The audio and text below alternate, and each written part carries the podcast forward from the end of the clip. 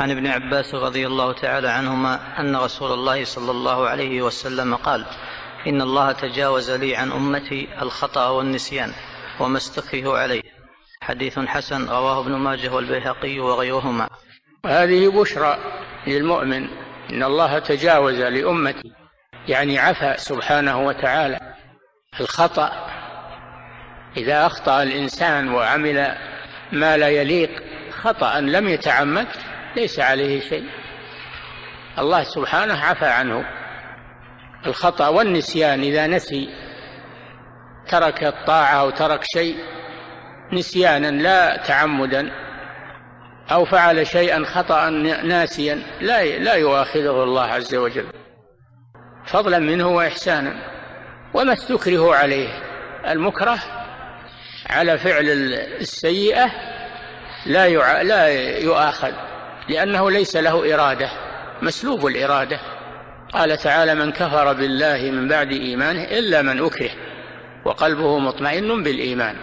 فإذا أكره الإنسان على فعل الشر وهو لم يقصده فإنه لا يؤاخذ عليه لأنه ليس له إرادة وإنما هو مجبر مسلوب الإرادة. وهذا فضل من الله لو شاء الله لعذبه ولكن الله تفضل عليه ولما نزل قوله تعالى لله ما في السماوات وما في الأرض وإن تبدوا ما في أنفسكم أو تخفوه يحاسبكم به الله. شق ذلك على الصحابة أن الله سيحاسبهم على خطرات النفوس وخطرات القلوب وقل من يسلم من ذلك. فشق ذلك عليهم وجاءوا إلى النبي صلى الله عليه وسلم يشتكون. وقالوا كلفنا من العمل ما لا نطيق. قال رسول الله صلى الله عليه وسلم أتريدون أن تقولوا كما قالت بنو إسرائيل سمعنا وعصينا؟ قولوا سمعنا وأطعنا. قالوا سمعنا وأطعنا. واستسلموا وآمنوا بالله. فأنزل الله قوله تعالى آمن الرسول بما أنزل إليه من ربه والمؤمنون. كل آمن بالله وملائكته وكتبه ورسله. ثم أنزل الله تعالى بعدما آمنوا بهذا واستسلموا ولم يعترضوا أنزل الله قوله تعالى لا يكلف الله نفسا إلا وسعها لها ما كسبت وعليها ما اكتسبت ففرج الله عنهم ونسخ الآية التي قبلها وإن تبدوا ما في أنفسكم أو تخفوه يحاسبكم به الله نسخ الله ذلك بهذه الآية. لا يكلف الله نفسا إلا وسعها. ربنا لا تؤاخذنا إن نسينا أو أخطأنا. ربنا ولا تحمل علينا إصرا كما حملته على الذين من قبلنا. ربنا ولا تحملنا ما لا طاقة لنا به.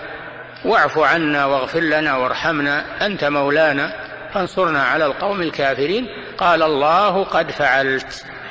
استجاب الله هذه الدعوات.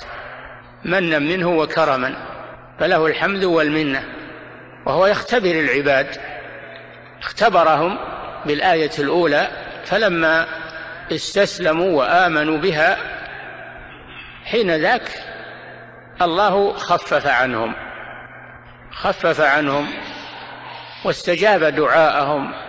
هذا فضل من الله سبحانه وتعالى.